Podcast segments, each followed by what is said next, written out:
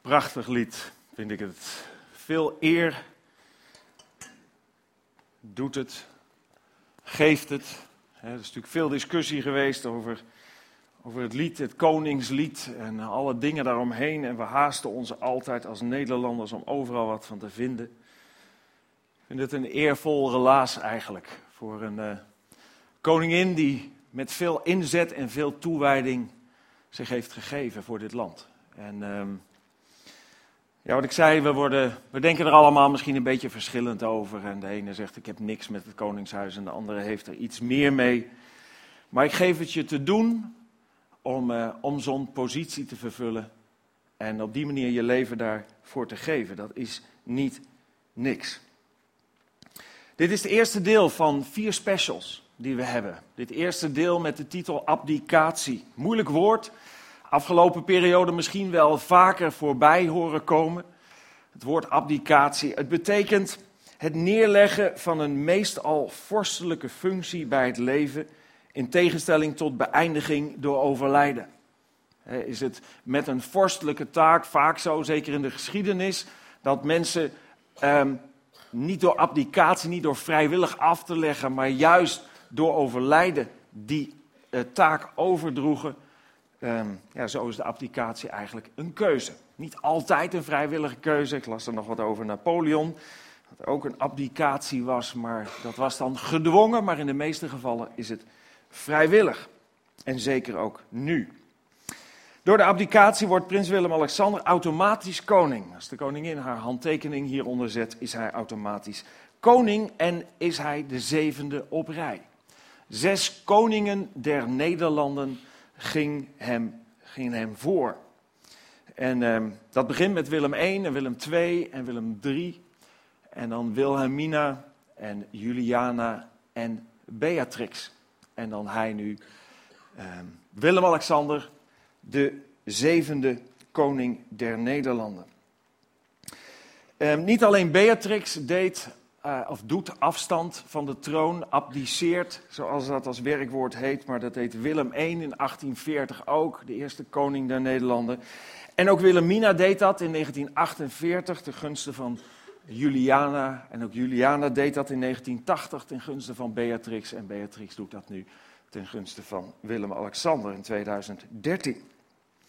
En misschien zeg je, zeker als je al wat ouder bent, zeg je ja, maar we hadden toch ook nog een koningin Emma die zat ook nog ergens. Dat klopt. Um, die is nooit geabdiceerd en die is eigenlijk nooit op dezelfde manier koning der Nederlanden geweest. He, um, alle, zelfs alle koninginnen zijn officieel koning der Nederlanden. Um, Emma was de vrouw van Willem III. En uh, toen uh, Willem III overleed, was Wilhelmina pas tien jaar oud. En zij was gedurende acht jaar regentes als koningin, als vrouw van Willem III. En uh, heeft dus niet haar taak neergelegd, maar automatisch was Wilhelmina al koningin, maar te jong om te regeren, te jong om koningin te zijn. Dus Emma hoort er wel ergens in thuis, maar niet eigenlijk in het rijtje van koningen der Nederlanden. Ja, koningschap heeft van oorsprong natuurlijk te maken, want dat is niet in Nederland ontstaan. Dat is natuurlijk al eeuwen en eeuwen en eeuwen dat je overal over de wereld dat fenomeen koninkrijk en koningen tegenkomt. Van oorsprong heeft dat natuurlijk alles te maken met, met regeren, met macht, met autoriteit, met invloed.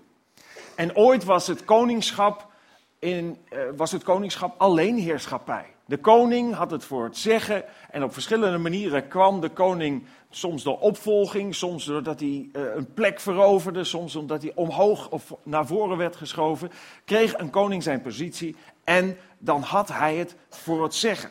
Dat was een gevaarlijk beroep, want heel veel koningen zijn niet geabdiceerd omdat ze daar de kans niet voor kregen, maar zijn geliquideerd en uh, zijn op die manier aan het einde van hun carrière gekomen.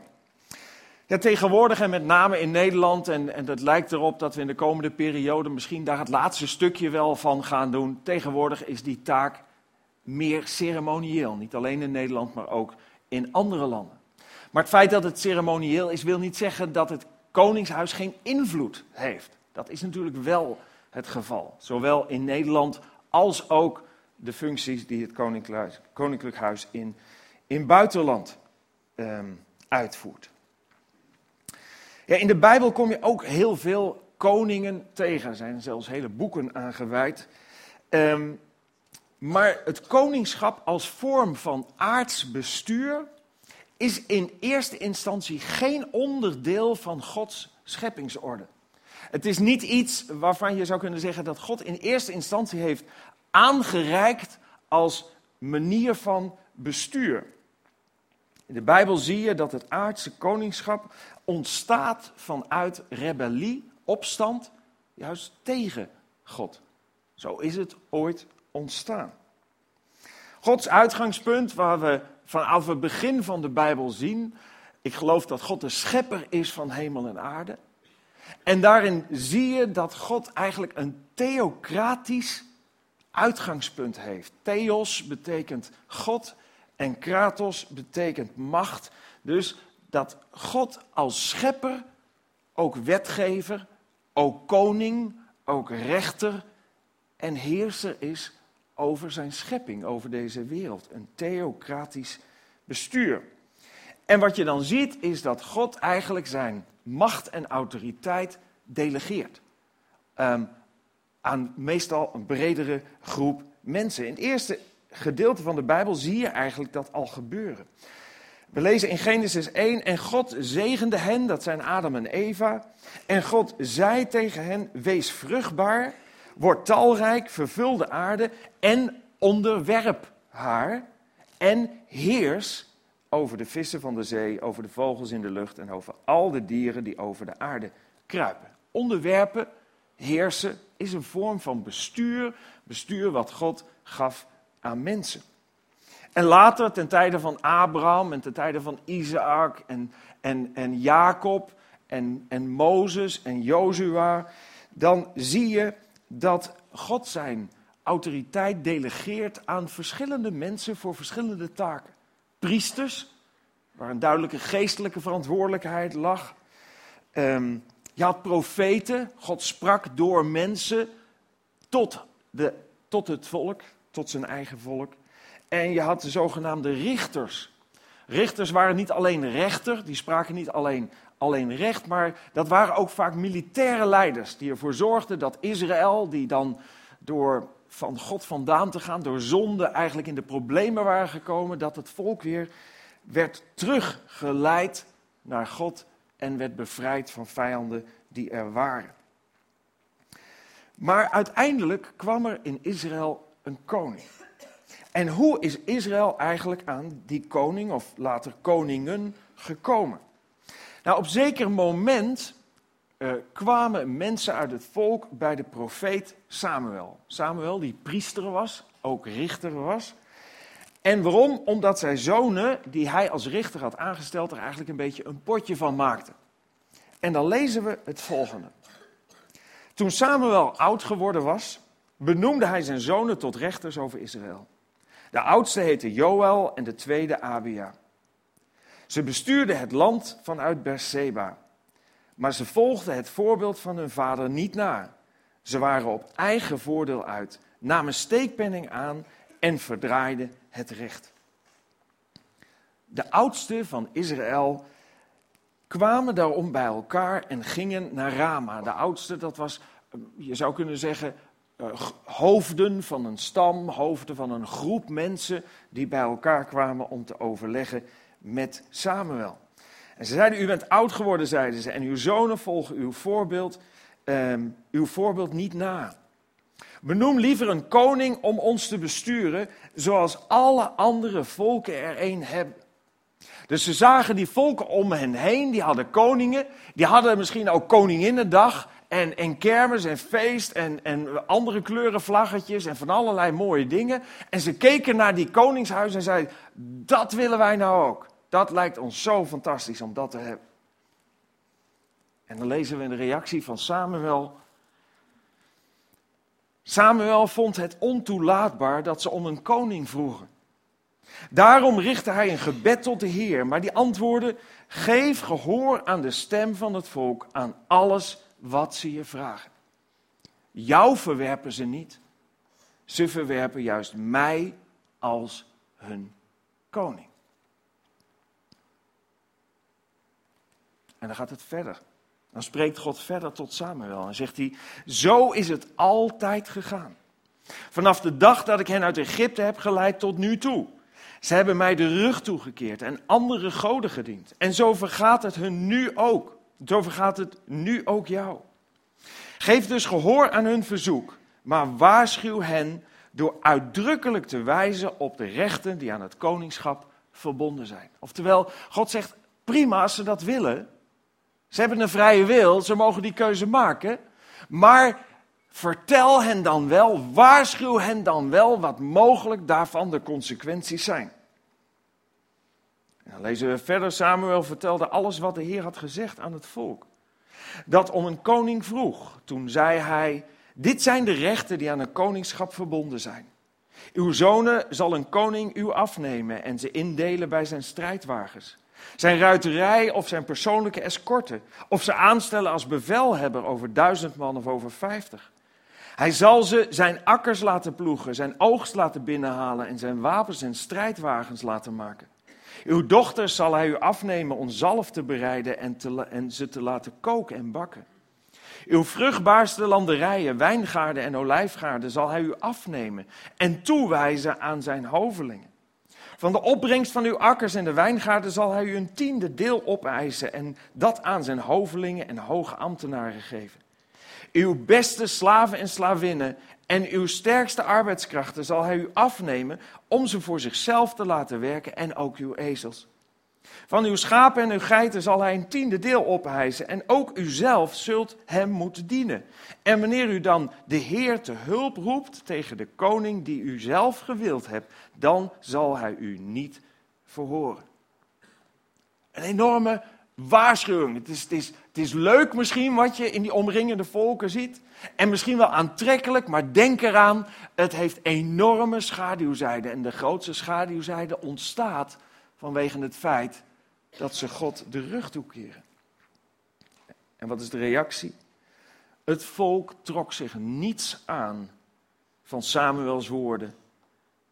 En zei: Nee, we willen een koning en anders niet. Je, je hoort ze bijna stampvoeten als een klein kind. We willen een koning en anders niet. Dan zijn we pas tevreden. Dan pas zullen we gelijk zijn aan alle andere volken.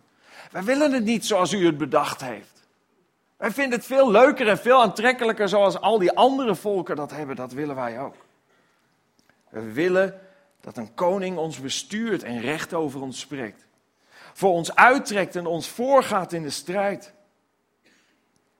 Samuel hoorde aan wat het volk te zeggen had en bracht het over aan de Heer. Toen zei de Heer tegen Samuel: Geef gehoor aan hun verzoek en stel een koning over hen aan. Zo ontstond in Israël het koningschap. Zo zien we in de Bijbel voor de eerste keer een koning aangesteld worden. Die eerste koning is misschien niet de bekendste, is Saul. En pas daarna kwam David. En David is veel bekender geworden. En ook zijn zoon Salomo. En er zijn nog tientallen koningen gevolgd. En Israël kreeg waar ze om vroegen, maar dat hebben ze ook geweten. Het aardse koningschap, zoals het toen ontstond, ontstond vanuit rebellie, vanuit opstand tegen God. En daar is het niet bij gebleven. Daar is het niet bij gebleven, want er zijn daarna nog heel veel andere staats- en regeringsvormen ontstaan uit heel verschillende ideologieën. Eh, als je over de wereld kijkt, dan zijn er van allerlei richtingen die mensen hebben gekozen, idealen die ze nastreefden, manieren waarop ze dachten dat het beter was dan de schepper van hemel en aarde te dienen. En die ideologieën, anarchisme, bijvoorbeeld communisme, kapitalisme, liberalisme, socialisme en nog een heleboel andere ismen, die zijn ontstaan in de loop der tijd. En daar zijn heel verschillende regeringsvormen uitgekomen. De wereld laat een enorm kleurrijk palet zien aan verschillende regeringsvormen. En er zit ertussen, die kun je niet eens uitspreken bijna. kleptocratie. Zag ik ertussen staan. Volgens mij is een kleptomaan iemand die steelt. Dus misschien is dat een koninkrijk waar je alles van elkaar mag jatten of zo. Een meritocratie. Geen idee, schiet me niks te binnen. Een ochlocratie. Plutocratie. Zijn misschien de honden de baas, ik weet het niet. Een pornocratie. Nou, dat is, uh, het wordt steeds spannender. Het zijn allemaal regeringsvormen. Het bestaat echt ergens en het is allemaal ontstaan uit menselijke inspanning. Uit menselijke ideologieën. Uit het idee van de mens, wij willen het op een andere manier, wij gaan het op deze manier doen en dat gaat werken. Ik ben ervan overtuigd, echt, ik ben er helemaal van overtuigd, dat geen van al deze systemen kan werken als de kern van, als de kern ervan een voortzetting is eigenlijk van wat we net lazen. Jou verwerpen ze niet, Samuel. Ze verwerpen juist mij als hun koning. Zo is het altijd gegaan. Jou verwerpen ze niet. Ze verwerpen juist mij als hun koning. Zo is het altijd gegaan. En zo gaat het ook nog steeds.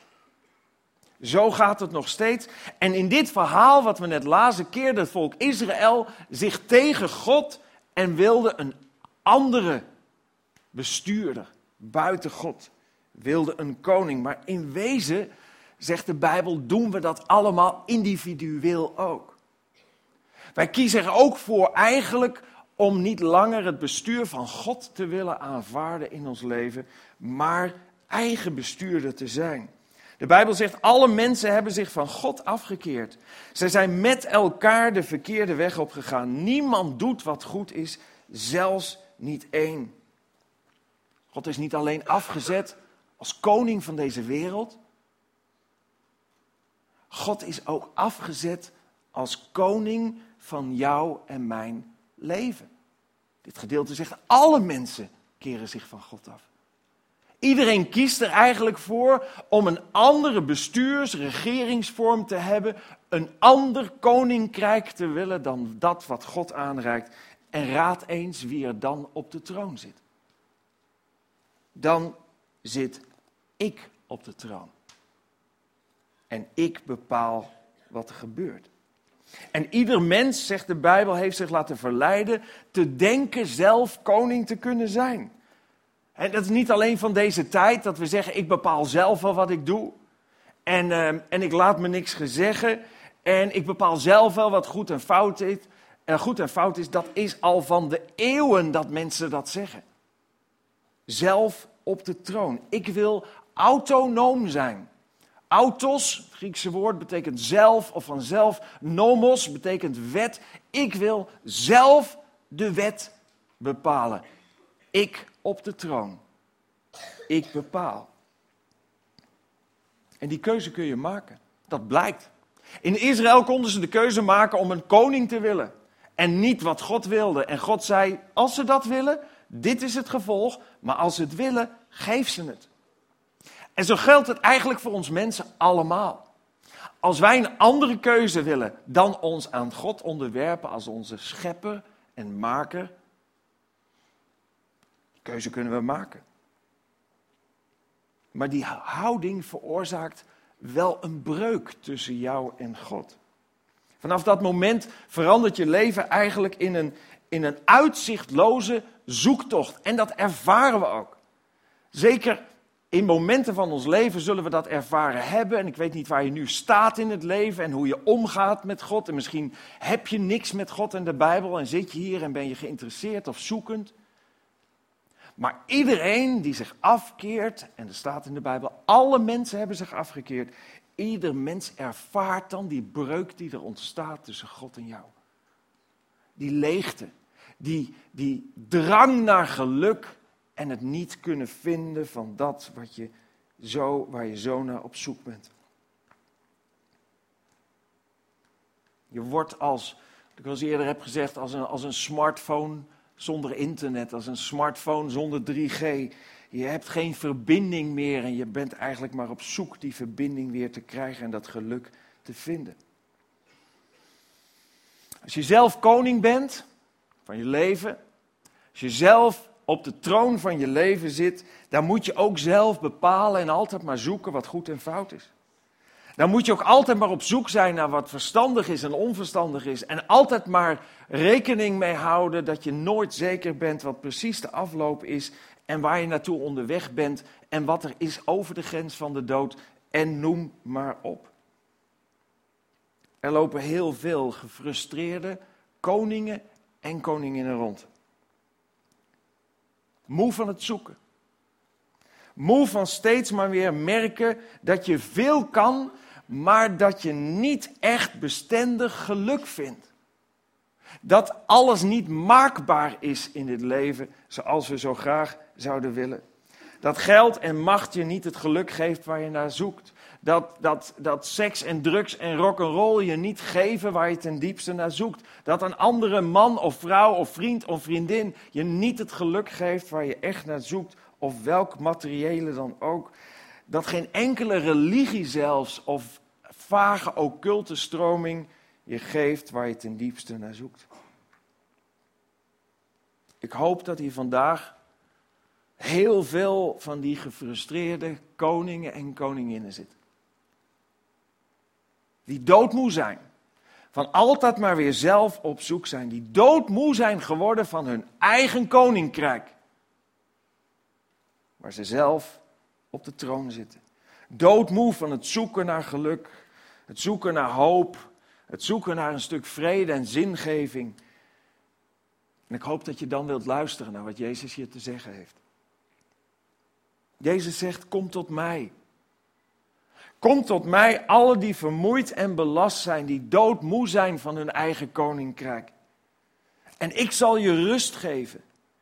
Neem mijn juk op je en leer van mij. Want ik ben zachtmoedig en nederig van hart. En gij zult rust vinden voor uw zielen. Neem mijn juk op je, zegt Jezus, en leer van mij. Je hebt wat te leren. Ik kan je uitleggen.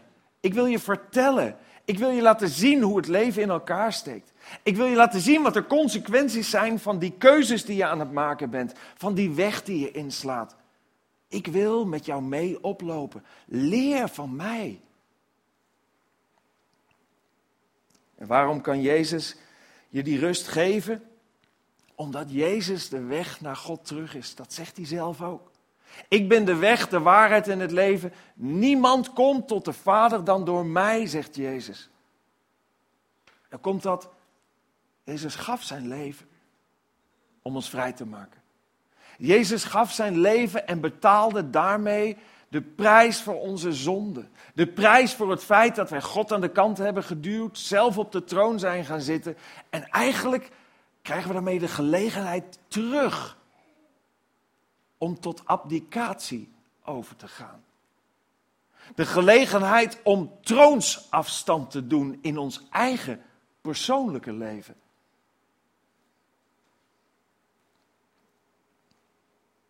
En op veel plekken in de Bijbel lees je die oproep.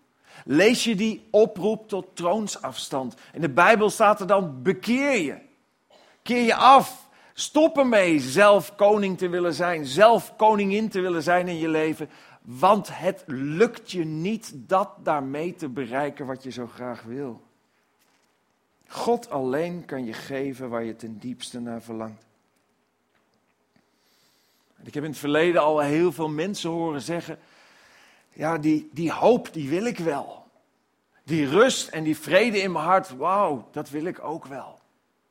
En, en toekomst.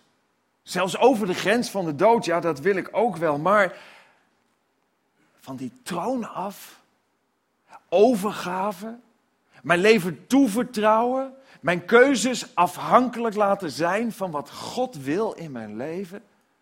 Nou, dat gaat me te ver. Of dat durf ik niet. Kijk, zonder dat stukje kan het niet.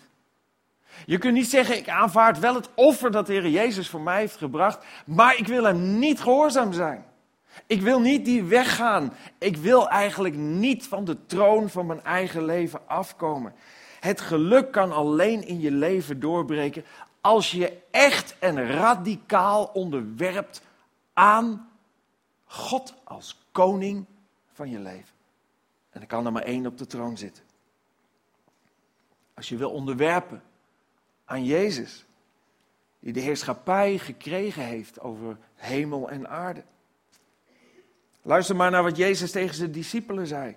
Hij zei: Mij is gegeven alle macht in de hemel en op aarde. En dan zegt hij tegen ze: Ga dan heen, onderwijs al de volken, hen dopend in de naam van de Vader en de Zoon en de Heilige Geest. Als, als bevestiging van de keuze die ze maken om te abdiceren. Doop hen. En hun lerend alles wat ik u geboden heb in acht te nemen. Er wat mee te doen.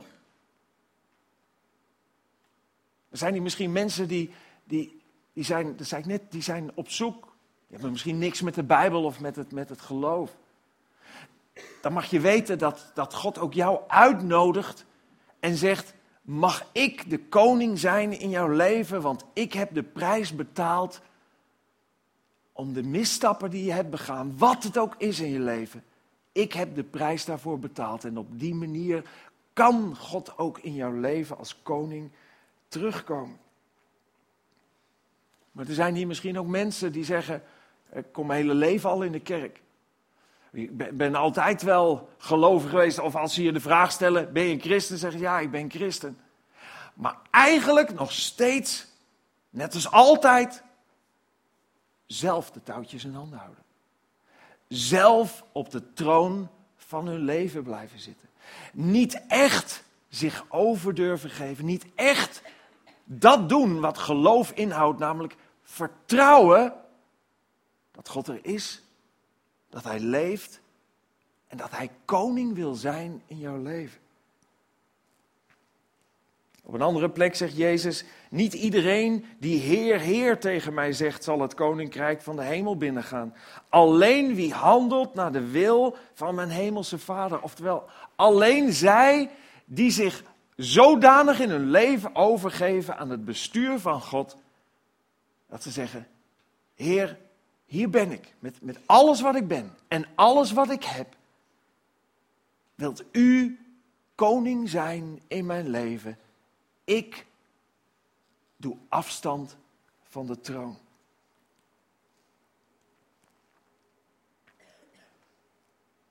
Als dat besluit vaststaat, als je die keuze wilt maken, ga je de volle kracht van God in je leven ervaren.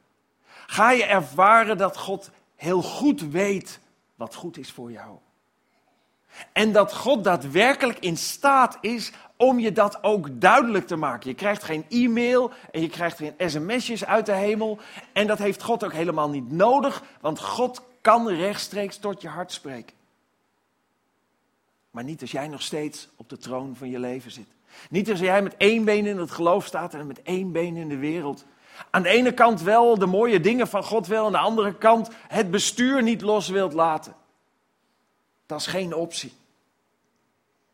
In Spreuken 3 zegt Salomo: Vertrouw op de Heere met heel je hart. Vertrouw op de Heere met heel je hart. En steun op je eigen inzicht niet. Laat het maar los, want die eigen wijsheid die je denkt te hebben om goede beslissingen te nemen, goede richting te gaan, het werkt niet. Ken Hem in al je wegen. Betrek God bij alles wat je doet. Door te bidden, door God te vragen in je leven te leiden, door God te vragen koning te zijn in je leven. Ken Hem in al je wegen, dan zal Hij je paden recht maken. En dan breekt precies dat in je leven door wat je ten diepste wil. En anders, dan raak je het kwijt. Anders gaat uiteindelijk jouw eigen koningschap, jouw eigen ik, het volledige bestuur weer overnemen. En raak je steeds verder af van waar je ten diepste naar verlangt. Misschien geen makkelijke keuze. Zo'n radicale overgave. maar wel de keuze die je dat zal geven waar je ten diepste naar verlangt. We zullen danken. Dank u wel, Heere God, dat u ons de keuzemogelijkheid heeft gegeven. Dat u niet tegen ons heeft gezegd, je hebt ervoor gekozen om zelf koning te willen zijn, nu zoek je het ook maar uit. Maar dat u aanbiedt om die plaats van ons in te nemen. Omdat u als koning der koningen ons door en door kent, weet wat goed voor ons is en ons leven wil leiden. Zodat we echt tot rust kunnen komen en het geluk mogen ervaren wat u ons wilt geven. Heer, wil u danken dat, dat we die keuze nog kunnen maken. En ik wil u bidden voor alle mensen die hier zitten. U kent ons allemaal, hoofd voor hoofd. En misschien staan we nog helemaal aan het begin en zijn we nog op zoek en weten we weinig van u en van de Bijbel. Heer, u zegt wie mij zoekt zal mij vinden. En u bent een geduldig God. En misschien lopen we onze hele leven al mee in, het, in de kerk, en, maar zitten we eigenlijk nog helemaal zelf op de troon. Is er eigenlijk ten diepste nog niks veranderd? Is er wel religie in ons leven, maar geen relatie? Omdat we u niet als de koning van ons leven hebben aanvaard, omdat we niet afgetreden zijn en u de, uw rechtmatige plek hebben gegeven in ons leven. Heer, ik wil u bidden of u ons dan wilt leiden in dat proces. Heer, of u wilt helpen, zodat we niet bij iedere keuze steeds maar en maar zeggen, maar zullen zoeken naar uw wil, zowel uit uw woord als ook dat wat u tot ons hart kunt spreken. Heer, ik wil u bidden of u ons de weg wilt wijzen. De weg naar u, de weg naar uw koningschap over ons leven. Ik wil u danken voor het koningschap wat we ook in Nederland hebben ervaren. De trouw waarmee koningin Beatrix gediend heeft. Heer, ik wil u bidden ook voor komende dinsdag, als de troonswisseling daar is. Ik wil u bidden voor Willem-Alexander en voor de taak die hij samen met Maxima op zich neemt. En als hij zijn eed zweert, als hij zegt, zo helpen mij God Almachtig. Heer, dan bid ik dat, dat ook hij zich ten volle mag realiseren. Dat hij een koning der Nederlanden kan zijn, maar geen koning van zijn eigen leven. Heer, en dat hij ook in afhankelijkheid van u zijn taak zal willen volbrengen. Heer, ik wil u bidden dat het een mooi feest mag zijn. En dat alle mensen die op welke manier dan ook het er ergens niet mee eens zijn of een andere kant op willen, Heer, dat die niet de ruimte zullen krijgen om het feest te verstoren. Heer, dank u wel dat we altijd naar u mogen opzien als koning der koningen en alle verlangens van ons hart bij u mogen neerleggen. Dank u voor in Jezus' naam. Amen.